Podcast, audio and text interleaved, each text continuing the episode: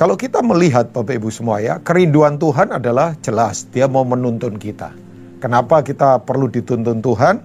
Ya kita tahu bahwa ada banyak hal di depan yang kita tidak tahu. Ya, jujur saja manusia kita adalah orang yang sangat terbatas. Ya, tapi uh, kita tahu semua Tuhan kita Tuhan yang tidak terbatas. Nah, kalau kita melihat Bapak Ibu uh, ada di kitab Yesaya pasal uh, 58, kita tahu bahwa Yesaya itu artinya memang Tuhan adalah keselamatan kita. Ya, Dia yang menyelamatkan, Dia yang kemudian uh, terus akan memperbarui apa saja yang ada dalam hidup kita. Nah, kalau kita melihat dari ayat pertama sampai ayat yang ke uh, berapa itu? Ayat yang ke-12, Bapak Ibu lihat bahwa awalnya itu tentang berbicara tentang puasa yang sesungguhnya. Ya, jadi bagaimana berpuasa yang sesungguhnya. Jadi puasa tidak hanya sekedar menahan makan, ya menahan lapar, atau kemudian puasa tidak sekedar hanya berbicara duduk di kain uh, yang berdebu misalnya bahwa hidup kita menyiksa diri. Bukan itu, tapi puasa yang sesungguhnya adalah Tuhan mau untuk kita bersikap adil, menyatakan kebaikan, ya memberi tumpangan buat orang yang membutuhkan. Nah, Itulah puasa yang sebetulnya puasa sejati. Nah setelah itu di ayat yang ke-11 sampai ayat yang ke-12, uh, inilah yang kemudian Tuhan janjikan buat setiap kita. Alkitab berkata begini, Tuhan akan menuntun engkau senantiasa. Saya suka kata itu, senantiasa, continually. Ya, itu kata itu artinya seperti orang menarik nafas itu, bernafas. Kan Bapak Ibu, uh, sementara beraktivitas apa pun kita selalu bernafas ya either duduk, berjalan atau sedang bekerja, kita selalu bernafas dan itu udah udah udah udah menjadi sesuatu yang memang kehidupan. Tidak mungkin kita berpikir sebentar saya bernafas. Nah, tuntunan Tuhan itu continually, senantiasanya seperti itu, seperti kita menarik nafas begitu ya. Dan akan memuaskan hatimu di tanah yang kering, akan membarui kekuatanmu. Engkau akan seperti taman yang diairi dengan baik dan seperti mata air yang tidak pernah mengecewakan. Engkau akan membangun reruntuhan yang sudah berabad-abad, akan memperbaiki dasar yang telah diletakkan oleh banyak keturunan. Engkau akan disebutkan yang memperbaiki tembok yang tembus, yang membetulkan jalan supaya tempat itu dapat dihuni. Yang percaya, mari katakan amin. Nah, dari ayat-ayat ini Bapak Ibu ya, jelas inisiatif untuk hidup dituntun oleh Tuhan itu datangnya dari Tuhan. Ya, jadi inisiatifnya ini datang dari Tuhan. Tuhan mau menuntun kita. Ya, tadi sudah saya katakan, kita tidak tahu di depan bagaimana. Kadangkala kita tidak menyangka dengan semua ekspektasi harapan kita, toh ternyata tidak terjadi misalnya. Tapi percayalah, Tuhan senantiasa menuntun kita. Cuman pertanyaan besarnya adalah ini dia. Apakah kita mau dituntun Tuhan? Nah, itu bukan pertanyaan yang biasa itu Bapak Ibu ya, yang ada di uh, jemaat GPI CK7. Karena itu sebuah pertanyaan yang sebetulnya masalahnya ada di dalam kita sendiri. Sebab jujur ya, kita ini kan maunya melakukan apa pun dengan kekuatan sendiri, berjalan dengan pengalaman sendiri, ya mengandalkan kekuatan sendiri, kekuatan manusia. Tapi Tuhan mau menuntun kita. Nah, yang pertama Alkitab tadi katakan, bahwa tuntunan Tuhan itu selalu akan memuaskan kita walaupun di tanah yang kering. Ya, tadi dikatakan jelas ayat yang ke-11 ya. Saya ulang lagi. Tuhan akan menuntun engkau senantiasa dan akan memuaskan apa? Hatimu di tanah yang kering. Nah, Bapak Ibu kalau dengar kata tanah yang kering, pasti Bapak Ibu langsung menebak. Wah ini berarti kekeringan ini, ini berarti nggak ada hujan ini gak ada lawatan. Ya kan kalau bicara rain, bicara hujan itu kan bicara tentang lawatan, bicara tentang berkat, bicara tentang kesuburan. Ya ini ya dong satu wilayah kalau nggak turun hujan misalnya setahun lebih nggak turun hujan, wah kekeringan orang nggak bisa menanam, orang jelas nggak bisa menuai dan pasti terjadi kelaparan kan. Nah ternyata Bapak Ibu ya bahwa Tuhan itu menuntun kita dengan cara memuaskan hati kita di tanah yang kering. Jadi intinya itu tuh Tuhan menuntun supaya hati kita itu mengalami kepuasan. Ya, makanya Bapak Ibu kalau membaca Alkitab Injil Perjanjian Baru, Yesus berkata, "Kalau engkau percaya kepadaku, dari dalam hatimu itu akan mengalir aliran-aliran kehidupan." Nah, itu itu yang disebut dengan itu tuh ada ada ada sumber yang tidak terbatas yang melimpah melimpah ruah. Itu bahasa Yunaninya memakai kata arkotoso ya.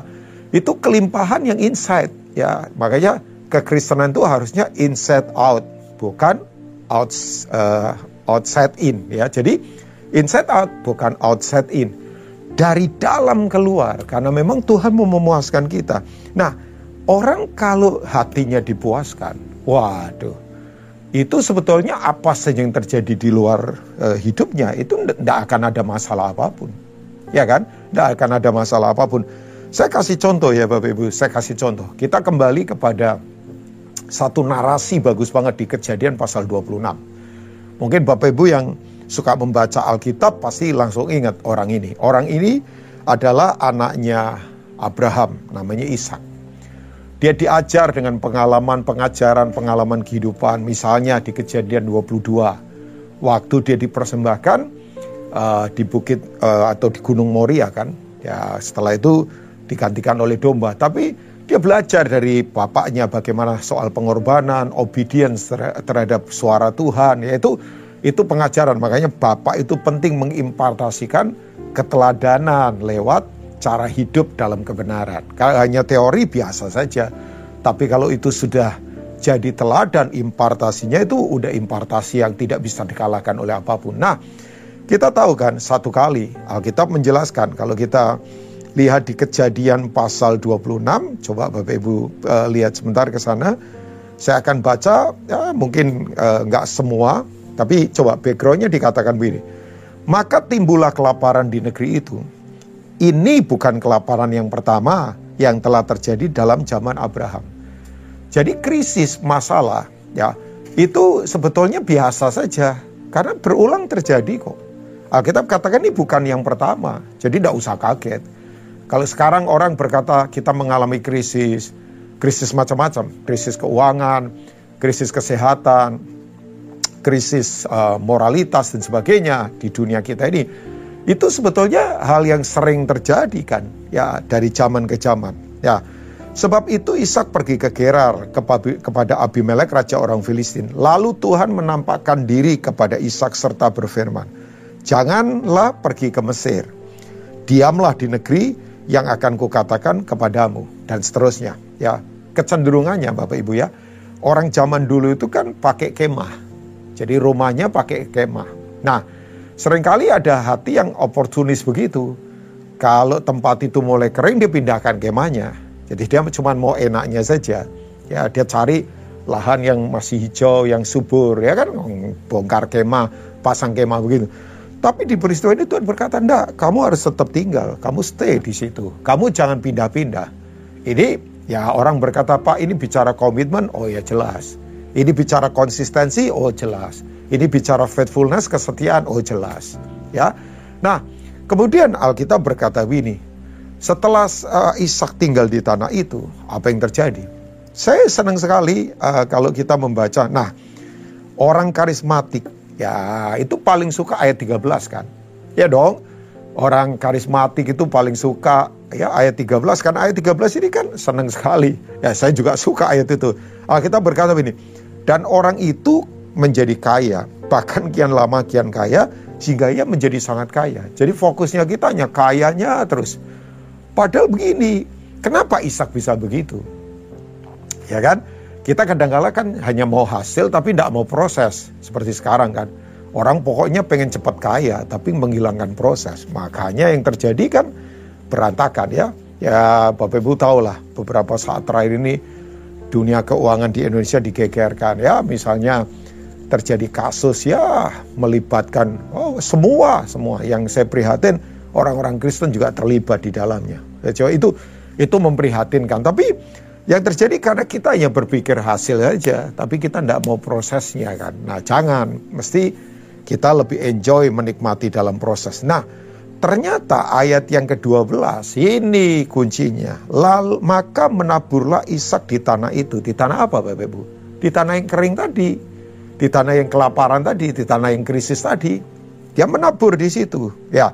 Dan dalam tahun itu juga ia mendapat hasil 100 kali lipat sebab apa? Ia diberkati Tuhan. Yang percaya katakan amin. Kata diberkati, ya, kata berkat itu sekali lagi jangan ukurnya hanya soal uang. Ya kan? Kata berkat itu berasal dari kata berkah. Kata berkah itu artinya begini, Tuhan bekerja di dalam kita dan melalui kita. God at work. Tuhan bekerja. Mari katakan sama-sama, Bapak Ibu, dua, tiga, Tuhan bekerja. Tuhan menyertai. Tuhan yang kemudian menyatakan perkara besar lewat dan di dalam hidup Ishak sendiri. Itu arti berkat. Ya, jadi God at work. Tuhan menyertai, Tuhan menuntun. Nah, itu berkat itu. Bayangkan kalau hidup dituntun Tuhan. It's powerful life ya. Itu hidup yang penuh dengan kekuatan. Nah, ternyata anehnya begini, coba. Bapak Ibu kalau tanah kering, orang menabur itu berkata ya bodoh. Ya dong. Dunia berkata bodoh. Ya. Tapi prinsip ekonomi kerajaan Allah memang tidak seperti prinsip ekonomi dunia. Ya, Alkitab berkata yang menabur malah berkelimpahan, yang berhemat malah kekurangan. Itu kan Alkitab katakan itu prinsip Bapak Ibu. Karena memang kita berpindah dari sistem ekonomi dunia kepada sistem kerajaan Allah. Nah sekali lagi, kalau saya bilang menabur, jangan asumsinya hanya terus uang. Tapi menabur waktu, menabur kebaikan, menabur nasihat, menabur apalagi uh, sukacita buat orang-orang yang ada di sekitar kita, itu Bapak Ibu. Nah yang terjadi Bapak Ibu, pertanyaan saya sederhana. Kenapa orang ini bisa menabur di tanah kering? Ya karena hatinya puas memang. Orang kalau hatinya puas Bapak Ibu, yang di dalam puas. Ya tidak pernah kekurangan kan. Selalu ada arkotoso tadi, kelimpahan. di mana kemudian dia bisa praktekkan itu. Nah saya ingatkan buat kita Bapak Ibu. Tuhan mau memuaskan hati kita. Ini yang disebut dengan itu tuh kebangunan rohani yang ada di dalam. Ya, saya dulu uh, tim kita dulu itu menerjemahkan satu buku. Judul aslinya adalah Whisper Revival. Ya, itu kira-kira kita terjemahkan ya saya mungkin 15 atau 17 tahun yang lalu kita cetak, kita sebarkan ke semua jaringan. Ya, orang bisa saja membeli dengan sesuai kemampuan mereka. Kita tidak patok harganya berapa. Pokoknya prinsipnya yang yang lebih ya bisa memberkati yang kurang. Jadi pokoknya begitu aja. Karena ini memang diterbitkan kita sendiri. Nah, itu kita uh, terjemahkan dalam bahasa Indonesia adalah kebangunan rohani yang berbisik. Ya, whisper revival. Nah, itu sebetulnya ayatnya ada di itu tuh ide dari pembuatan bait Allah pertama kali.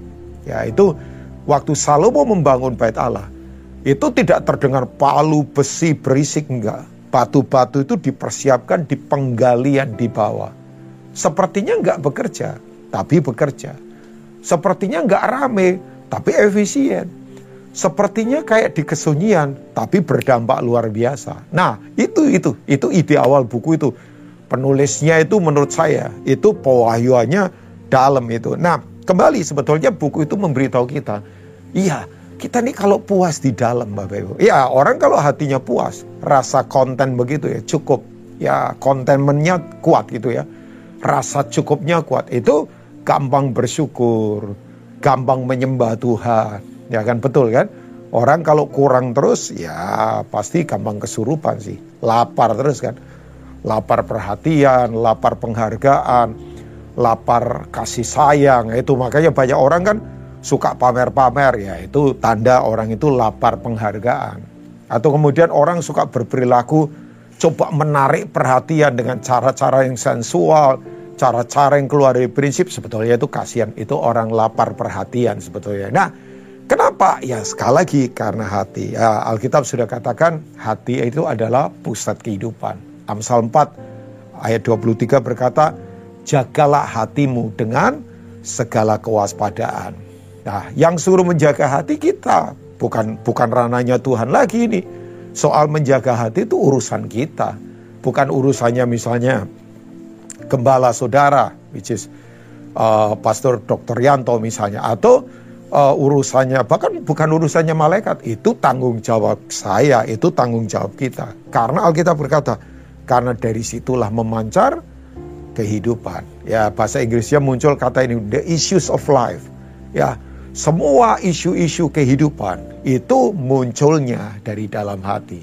Nah, ya kata hati berasal dari kata kardia itu ya. Dari kata itu muncul istilah kardio kan kalau Bapak Ibu exercise misalnya ya treadmill atau olahraga, bakar itu itu lemak kardio. Nah, itu supaya jantung kita sehat. Itu itu begitu tuh. Itu memang pusat yang ada di dalamnya. Jadi saya ingin mengajak kita Bapak Ibu, yuk Tuhan itu mau menuntun kita dengan cara dia puaskan even di tanah kering. Saya tahu kondisi ke depan tidak gampang buat kita. Semua yang kita hadapi tidak mudah. Tapi please jemaat CK7, Tuhan mau menuntun kita. Ya, cuman pertanyaannya yang tadi saya ketanyakan. Kita mau nggak dituntun Tuhan? Seringkali pengalaman menghalangi. Seringkali gengsi menghalangi. Seringkali yang paling parah, kesombongan menghalangi. Ya, makanya betul, jalan Tuhan itu tinggi. Tapi hanya bisa dihampiri lewat jalan yang rendah. Wow, wah kok bisa Pak Rubin? Oh iya, Tuhan punya jalan tinggi kan. Yesaya juga Pasal 55 berkata, jalanku bukan jalanmu, rancanganku bukan rancanganmu. Seperti tingginya langit dari bumi, demikianlah jalanku dari jalanmu. Tapi begini, jalan Tuhan yang tinggi itu tidak bisa dikapai oleh pesawat. Tidak bisa dikapai oleh produknya Boeing atau Tesla atau Airbus. Gak bisa, gak bisa. Terlalu tinggi. Tapi jalan Tuhan yang tinggi. Bapak Ibu tahu, itu bisa didapat ketika Tuhan ketemu orang-orang yang punya hati hamba, yang remuk hatinya, yang berani turun di jalan yang paling bawah. Wah, itu memang susah itu dunia memahami ini. Makanya saya ingatkan buat Bapak Ibu, rendah hati, jangan keras hati, jangan sombong. Sebab orang-orang yang rendah hatilah yang akan ketemu dengan jalan Tuhan. Nah, yang kedua ternyata tuntunan Tuhan itu kenapa penting? Karena dia punya maksud untuk memperbarui kekuatan kita. Ya kan? Alkitab berkata, dia akan membarui kekuatanmu. Nah, kata kuat itu kata sifat. Itu adalah sifatnya Tuhan. Tuhan kita kuat. Yang percaya katakan amin Bapak Ibu. Dalam bahasa perjanjian baru, kata kuat itu memakai kata itu, kan, kratio o. Nah itu dasar katanya adalah kratos. Nah, itu muncul kata the power of God sebetulnya kekuatan atau kuasanya dari Tuhan sendiri. Nah, Tuhan mau memperbarui kekuatan kita. Kekuatan di sini saya tidak hanya sekedar bicara fisik ya, walaupun fisik kita perlu kuat. Tapi ini kekuatan batiniah, kekuatan mentalitas kita, kekuatan di cara berpikir kita yang kuat. Ya, kenapa kita perlu kuat? Oh iya, sebab jelaskan kita itu terus sedang menghidupi kehidupan sampai pada nanti pada kekekalan. Nah, dalam perjalanan itu Bapak Ibu, we, jelas tantangan, tekanan, godaan. Tapi yang paling buat saya nggak gampang adalah menghadapi semua tarikan keduniawian, kedagingan, kenyamanan daging. Itu nggak gampang untuk kita hidupi. Ya, ya jangan kaget kalau ada banyak orang berjatuhan pada sisi ini. Ya, karena ini perlu kekuatan dari dalam. Makanya betul ya Bapak Ibu ya Orang yang berani berkata tidak ya terhadap semua hal yang keluar dari kebenaran itu orang kuat. Oh, kok Pak Rubin? Oh iya. Sebab begini, ya coba kalau orang disogok uang masih dalam bentuk kecil biasa. Tapi coba kalau sudah nilainya melihat dan kemudian orang itu menyuruh orang untuk keluar dari kebenaran. Wah, itu butuh kekuatan insight dari dalam. Ya, apa saja saya nggak tahu weakness Bapak Ibu. Saya bicara begini pun saya punya kelemahan juga dalam kehidupan. Makanya saya kemudian itu tuh uh, menyadari atau mendefinisikan kelemahan saya apa. Nah, saya tidak mau main-main di area itu Bapak Ibu. Sebab kita perlu kekuatan untuk terus berjalan sampai pada kekekalan bersama Tuhan. Dan kenapa kita perlu kuat? Karena kita juga adalah perwakilan Tuhan di bumi ini. Ya, jadi Tuhan yang tidak kelihatan itu harus kelihatan lewat hidup kita. Ya kan? Tuhan kita tidak kelihatan kan? Bagaimana kelihatan? Lewat hidup kita. Makanya itu tuh uh, Ibu Teresa kan pernah berkata begini. Kalau saya melayani orang tidak peduli, Kalau saya memberi orang misalnya malah jahatin saya, kalau saya kemudian bersikap baik, kemudian orang tidak uh, perhatikan saya, dia berkata nggak penting. Kali bukan soal saya, ini soal Tuhan yang dimuliakan di dalam hidup saya. Wah, itu kata-kata dari seorang wanita yang nggak punya nuklir, dia bukan presiden, dia bukan pemimpin satu negara, tapi harus saya akui, impactnya presiden hanya berimpact pada satu negara. Tapi seorang yang kalau lihat penampilan, ya fisiknya, ya jalan agak membungkuk, ya kan? Kemudian nggak tinggi, ya, tapi Bapak Ibu pengaruhnya bayangkan, influence-nya seluruh dunia disentuh oleh hatinya Teresa. Ya makanya dulu ada penulis berkata ini, Lady Di, Putri Diana waktu meninggal, tiga bulan orang tangisi dia. Tapi Teresa waktu meninggal, tiga tahun orang tangisi dia. Itu rasa duka ada di mana-mana. Karena mereka kehilangan seorang yang mereka sebut begini, malaikat penolong. Ya, Billy Graham pernah berkata begini, saya orang Injili, saya tidak percaya adanya santo. Tapi kalau saya harus punya santo, santo itu orang kudus yang sudah meninggal yang menjaga dia. Teresa santo saya. Coba bayangkan. Wow, saya mendengar ini ya itu itu sekedar kata-kata saja untuk menggambarkan rasa respeknya orang ini terhadap Teresa. Ya, tapi memang betul Bapak Ibu ya. Nah, Tuhan mau kita untuk punya kekuatan. Tuntunnya dia membuat dia jadi kekuat, uh, membuat kita punya kekuatan. Yesaya pasal 40. Jadi saya lebih banyak membuka kitab Yesaya ya. Kalau kita lihat Yesaya pasal 40, Bapak Ibu yakin, saya yakin Bapak Ibu bisa nebak ayat ini ya. Karena ini ayat yang uh, sangat populer kan. Yesaya 40 ayat 30 berkata begini. Orang-orang muda menjadi lelah dan lesu dan taruna-taruna jatuh tersandung. Ini sekarang sedang terjadi. Kelompok yang harusnya mewakili kekuatan, tapi pada bertumbangan. Tumbang karena apa? Mentalitas gak kuat. Tumbang karena godaan yang begitu luar biasa. Tumbang karena rasa putus asa, kecewa dengan semua yang terjadi. Ya apa saja, apa saja. Ya, tetapi, nah saya suka kalau Tuhan mengingatkan, selalu Tuhan memberi jalan keluar. Dia tidak pernah tidak memberi jalan keluar. Selalu ada way out yang Tuhan berikan. Tetapi orang-orang yang menanti-nantikan Tuhan akan mendapat kekuatan baru. Nah kata menanti-nantikan Tuhan itu, itu sebetulnya orang yang mau dituntun Tuhan. Let's go and let's God. Punya penyerahan total. Ya kan? Bapak Ibu tahu ya, orang kalau dituntun Tuhan menyerah total. Seperti kayak orang jatuh di rawa-rawa, ya kalau dia tidak tenang, ya gimana bisa ditolong. Kalau dia gerak terus makin lama makin tenggelam ke dalam. Itu butuh ketenangan untuk kemudian mau ditolong oleh yang dari atas ya. Mendapat kekuatan baru, mereka seumpama Raja Wali yang naik terbang dengan kekuatan sayapnya. Mereka berlari dan tidak menjadi lesu. Mereka berjalan dan apa? Tidak menjadi lelah. Yang percaya katakan amin. Yang saya kagum, tidak ditulis kata berhenti. Ya, ditulisnya terbang, berlari, dan kemudian berjalan. Jadi, kekuatan Tuhan itu membuat kita bisa terus terbang, bisa berlari, berjalan. Mungkin jalannya tertate-tate, nggak apa-apa. Tapi kan tetap berjalan. Tidak dikatakan mandek loh. Makanya yang lagi terbang, jangan merendek, meremehkan yang lagi lari. Yang lagi lari please, jangan meremehkan yang lagi jalan. Yang lagi jalan, jangan iri sama yang lagi lari. Yang lagi lari, jangan iri sama yang lagi terbang. Mau terbang, mau lari, mau jalan. Ya nggak penting. Yang penting terus bergerak. Nah, itu perlu kekuatan yang datangnya dari siapa? Tuhan sendiri. Saya berdoa umat Tuhan yang ada di uh, eh, CK7, yuk Tuhan mau memperbarui kekuatan kita. Kekuatan yang ada di dalam. Nah, kita tahu ya, kita punya otoritas, kita punya itu tuh, kuasa. Ya, dua kata itu ya, eksosia dan dunamos. Eksosia itu ada di Yohanes 1 ayat 12 setiap orang yang menerimanya diberinya kuasa untuk menjadi anak-anak Allah. Itu otoritas itu. Di mana kita punya otoritas, doa-doa kita punya otoritas, perkataan kita punya otoritas, tindakan hidup kita punya otoritas, nggak main-main Bapak Ibu. Oh iya, orang berkata, Pak saya sederhana. Hei, yang di dalam kita itu dahsyat Bapak Ibu. Tapi kita juga punya power, punya kuasa. Itu yang disebut dengan dunamos Kisah Rasul 1 ayat 8. tetapi kamu akan menerima kuasa waktu Roh Kudus turun ke atas kamu dan kamu akan menjadi saksiku di Yerusalem, Samaria dan sampai Yudea dan sampai ke seluruh bumi.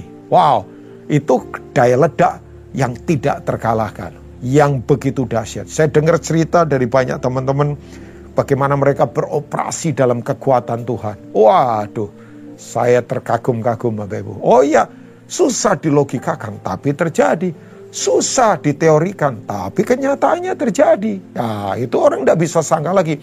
Nah, itu yang akan lahirkan apa yang disebut dengan the power of testimony kan. Bapak Ibu masih ingat gak? Kisah Rasul 3 dan kisah Rasul 4 kan? Petrus Yohanes mau sembahyang, ada orang lumpuh di gerbang bait Allah. Ya, dia tiap hari duduk minta sedekah. Petrus berkata, tatap wajahku, tatap mukaku. Ya, dia ber, berharap Petrus kasih sesuatu. Tapi Petrus berkata, emas perak tidak ada padaku, tapi yang aku punya aku beri. Demi nama Yesus orang Nazaret, bangkit berjalanlah. Mata kakinya kuat, orang langsung lompat-lompat di pusat daripada penyembahan. Yang waktu itu jadi apa tuh kebanggaan agamanya orang Yahudi. Wah geger bait Allah, geger bait Allah. Orang itu ngikutin Petrus, sapi kemudian kelompok Sanhedrin, ahli-ahli Taurat marah ditangkap Petrus Yohanes, dikencet, diintimidasi. Di sidang ini, sidangnya ini yang menyidang Yesus juga. Ada juga imam-imam besar di situ. Tahu nggak Bapak Ibu ancamannya? Kalau kamu tidak berhenti, kita aniaya kamu. Tahu jawabannya Petrus? Petrus berkata, ya nggak mungkin lah. Kami melihat, kami mendengar, dan kami menyaksikan bahwa kami ngalami di dalam kehidupan. Ya nggak mungkin. Makanya ditantang. Sekarang putuskan, suruh taat sama manusia atau terus uh, atau taat pada Tuhan. Gak mungkin buat kami untuk tidak taat pada Tuhan. Yaitu karena kami melihat, kami menyaksikan, kami mengalami. Nah itu yang disebut dengan the power of testimony, kuasa kesaksian. Ingat gak? Wahyu berkata begini, setan dikalahkan oleh gereja dengan darah anak domba dan oleh perkataan kesaksian. Sebab setiap orang tidak takut menyerahkan nyawanya. Wow, itu itu kekuatan yang memang luar biasa. Saya yakin, saya yakin. GBI PRJ jemaat yang ada di CK7, saudara akan mengalami banyak hal yang hebat ke depan ini. Saya percaya di tengah situasi yang tidak gampang. Alkitab berkata, di mana pendurhakaan merajalela, di situ kasih karunia Allah akan makin berlimpah-limpah. Ya, ada ada loving kindness, ada ada ada ada kasih. Ya yang tidak terbatas. Ada ada ada anugerah yang luar. Itu pakai bahasa aslinya keset. Keset itu adalah kasih karunia yang aneh, yang susah dimengerti. Tapi terjadi. Nah, saya tutup dengan ini. Tuntunan Tuhan ternyata yang ketiga. Itu selalu punya tujuan ilahi. Untuk kehendak Tuhan terjadi. Saya ulang lagi di Yesaya pasal 58 tadi. Kita akan selesai dengan ayat ini saya akan baca ulang di ayat yang ke-12 ya, Yesaya 58 ayat yang ke-12. Saya akan ulang lagi. Ini tujuannya tuntunan Tuhan. Ya. Engkau akan membangun uh, sebelumnya di ayat 11 bagian B dulu ya. Engkau akan seperti taman yang diairi dengan baik dan seperti mata air yang tidak pernah mengecewakan. Jadi tuntunan Tuhan punya tujuan supaya begini. Dia menjadikan kita seperti taman yang diairi dengan baik. Bapak Ibu tahu taman ya? Taman itu adalah tempat untuk refreshing, orang disegarkan. Orang bisa hang out, uh, hang out di sana, orang bisa kemudian relax di sana, orang bisa kemudian melepas penat di sana. Nah, tuntunan Tuhan membuat kita akan seperti itu.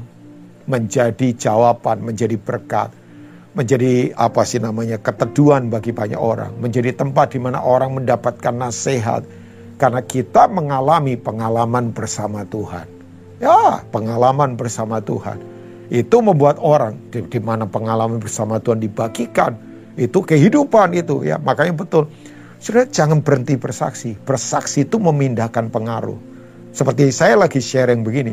Kan saya lagi memindahkan pengaruh kebenaran kepada orang-orang yang tentunya buka hati kan. Dan itu mengubahkan Kebenaran itu kekuatan. Nah, Bapak Ibu, kita akan seperti itu. Seperti taman yang dirawat dengan baik. Sorry, jangan hidup kita jadi hutan yang liar. Sebab di dalamnya pasti bersembunyi binatang-binatang yang gak jelas. ya. Tapi kita jadi taman yang dirawat dengan baik, ya, dipangkas, ya, kemudian dirawat untuk kemudian kita jadi berkat. Tapi juga kita ini akan seperti mata air yang tidak pernah mengecewakan. Bapak Ibu nggak usah takut. Saya yakin ada provision, ada provident yang datangnya dari Tuhan. Ya, itu tidak akan pernah berhenti. Yesus sendiri katakan kan dalam Yohanes pasal 4 waktu dia ketemu wanita Samaria. Kalau engkau percaya kepadaku dari dalam hatimu akan apa? Mengalir aliran-aliran kehidupan sampai hidup yang kekal. Bukan temporary, bukan hanya sementara, tapi sampai eternal life. Sampai kepada hidup yang kekal. Nah itu tuh. Nah, tapi yang kemudian Tuhan mau adalah ayat 12, saya akan bacakan. Engkau akan membangun reruntuhan yang sudah berabad-abad. Akan memperbaiki dasar yang diletakkan oleh banyak orang engkau akan disebutkan oh oleh banyak keturunan. Engkau akan disebutkan yang memperbaiki tembok yang tembus, membetulkan jalan supaya tempat itu dapat apa? Dihuni. Yang setuju katakan amin. Nah, ternyata tuntunan Tuhan tidak sekedar menjadikan kita seperti uh, taman yang baik, tidak sekedar membuat kita punya sumber mata air yang tak terbatas, ya itu yang disebut dengan kalau ada mata air berarti ada kesuburan, jelaskan, ada produktivitas, ada progresivitas, ada kreativitas, saya suka sekali itu. Kata kesuburan, ya jelas produktivitas, ada progresivitas, ada terus pergerakan, dan kemudian ada kreativitas. Ya, makanya saya percaya gereja harus memiliki tiga hal ini, yaitu produktivitas, kemudian progresivitas, dan kemudian apa? Kreativitas. Itu itu semua datang dari roh Tuhan. Ya kan? Roh Tuhan itu roh kreatif, roh yang produktif, dan kemudian roh yang bergerak. Kan roh Tuhan itu selalu bergerak ya memenuhi bumi dengan kemuliaannya. Tapi juga ternyata tuntunan Tuhan membuat kita akan membangun reruntuhan yang berabad-abad. Ini waktunya kita akan membangun kembali ya dasar-dasar yang telah roboh, ya semua bentuk apa namanya hal-hal yang keluar dari prinsip-prinsip yang yang seharusnya ada. Ini waktunya bangun kembali moralitas yang kuat ini waktunya bangun kembali ya kehidupan kebenaran yang kemudian kita menginspirasi banyak orang. Ini waktunya untuk kemudian kita berdampak, kita bangun semua reruntuhan-reruntuhan yang selama ini ya apa namanya uh, terjadi di mana pun. Yuk ini waktunya kita bangkitkan lagi karena ada itu tadi yang saya katakan ada kuasa, ada kekuatan, ada sumber yang tidak terbatas. Nah kemudian begini, Tuhan juga mau untuk kita disebut tembok yang apa? memperbaiki tembok yang tembus, membetulkan jalan supaya tempat itu dapat dilalui. Saya percaya Bapak Ibu semua, ya uh, ada banyak pertahanan dalam kekristenan yang sekarang ini roboh. Ya misalnya orang sekarang seenaknya tidak mau hidup dalam perjanjian yang kuat dengan Tuhan. Ya orang nggak punya komitmen lagi. Orang pokoknya semau saya. Saya mau ya terserah saya. Jangan-jangan. Kita mesti kembali membangun itu pertahanan yang kuat dalam kehidupan. Ya, holiness, kekudusan, kemudian apa lagi? Pengorbanan hidup. Itu pertahanan-pertahanan yang sangat harus kita bangun dalam kehidupan. Nah, saya nggak tahu di di bagian mana tembok uh, iman kita sudah rubuh Bapak Ibu ya. Saya nggak tahu. Kalau Bapak Ibu sekarang ini berkata, Pak, saya gampang ditembus sekarang. Ditembus oleh kekuatan musuh, ditembus oleh kekecewaan, ditembus oleh semua hal yang buruk dari dunia. Ya, sebagai hamba Tuhan saya ingatkan. Yuk, bangun kembali dengan kekuatan yang datangnya dari Tuhan. Hidupi firman, ya, supaya pertahanan kita kokoh, pertahanan kita kuat. Ya, sebab saya yakin kita ada dalam pertempuran yang memang luar biasa. Tapi sekali lagi, Tuhan pasti sertai kita. Nah, saya ingin uh, mengajak Bapak Ibu yuk kembali lagi untuk kita kembali kepada prinsip ini. Tuhan tuntun kita. Mari relakan hati kita terbuka. Ya, tanggalkan ya sebab begini. Kenapa saya bilang bahwa uh, pertanyaannya adalah maukah kita dituntun Tuhan? Karena kalau dituntun Tuhan berarti semua ego kita harus tanggalkan, kesombongan kita harus tanggalkan, rasa mampu kita harus tanggalkan semua kekecewaan harus kita tanggalkan. Ada orang berkata, Pak, kehidupan saya penuh kekecewaan. Pak, kehidupan saya penuh kegagalan. Saya beritahu, tidak ada harapan di masa lalu. Ya, sebab iman dan pengharapan itu selalu bergerak ke depan. Saya ulangi, tidak ada harapan di masa lalu. Saya itu kadang-kala ya uh, prihatin dengan orang yang terus terbelenggu oleh kekecewaan, terbelenggu oleh terus kemudian rasa bersalah, terbelenggu oleh kemudian banyak kejadian yang yang yang dia harapkan tidak terjadi dan dia terus terkungkung di situ. Jangan-jangan bangkit lagi Bapak Ibu. Selalu ada harapan. Harapan iman itu selalu bergerak ke depan, tidak pernah membuat kita terlempar di belakang. Jangan ada yang terlempar di belakang. Tuhan mau menuntun kita. Akan ada jalan-jalan baru. Yesaya 43 berkata, Tuhan sedang membuat jalan di padang gurun. Dia sedang membuat sungai-sungai di padang belantara. Untuk apa? Menuntun umatnya. Tetap ada proses, pasti. Tetap ada pergumulan, pasti. Tetap ada banyak hal yang Tuhan membentuk kita, pasti. Tapi tujuannya adalah from glory to glory. Dari kemuliaan kepada kemuliaan. Dia selalu akan tuntun dan sertai kita. Amin buat firman Tuhan. Saya berharap ini menjadi perenungan. Terima kasih untuk uh, Bapak Ibu mau mendengarkan sharing ini. Dan saya berharap Roh Kudus terus akan terjemahkan ini di hati setiap kita. Izinkan saya berdoa buat Bapak Ibu semua. Yuk di mana pun Bapak Ibu sekarang ini berada, ya di mana pun di perjalanan kah, atau di rumah kah, atau di kantor, atau di mana saja. Saya tahu hadirat Tuhan tidak bisa dibatasi. Mari kita berdoa bersama-sama.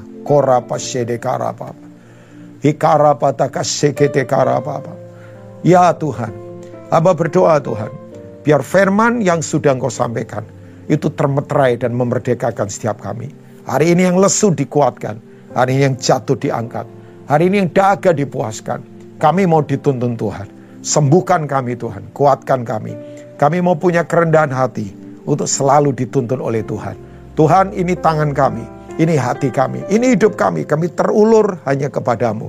Karena hanya engkau lah penolong kami yang tak terbatas. Terima kasih untuk apa yang kau sampaikan. Sekali lagi hamba berdoa, kalau ada yang sakit disembuhkan, yang lemah dikuatkan, yang jatuh diangkat kembali. Terima kasih Bapak, firmanmu termeterai, dan memerdekakan setiap kami. Bagimu hormat, bagimu pujian, bagimu kemuliaan dari kekal sampai kekal. Dalam nama Tuhan Yesus, mari semua kita katakan, amin. Tuhan Yesus memberkati kita.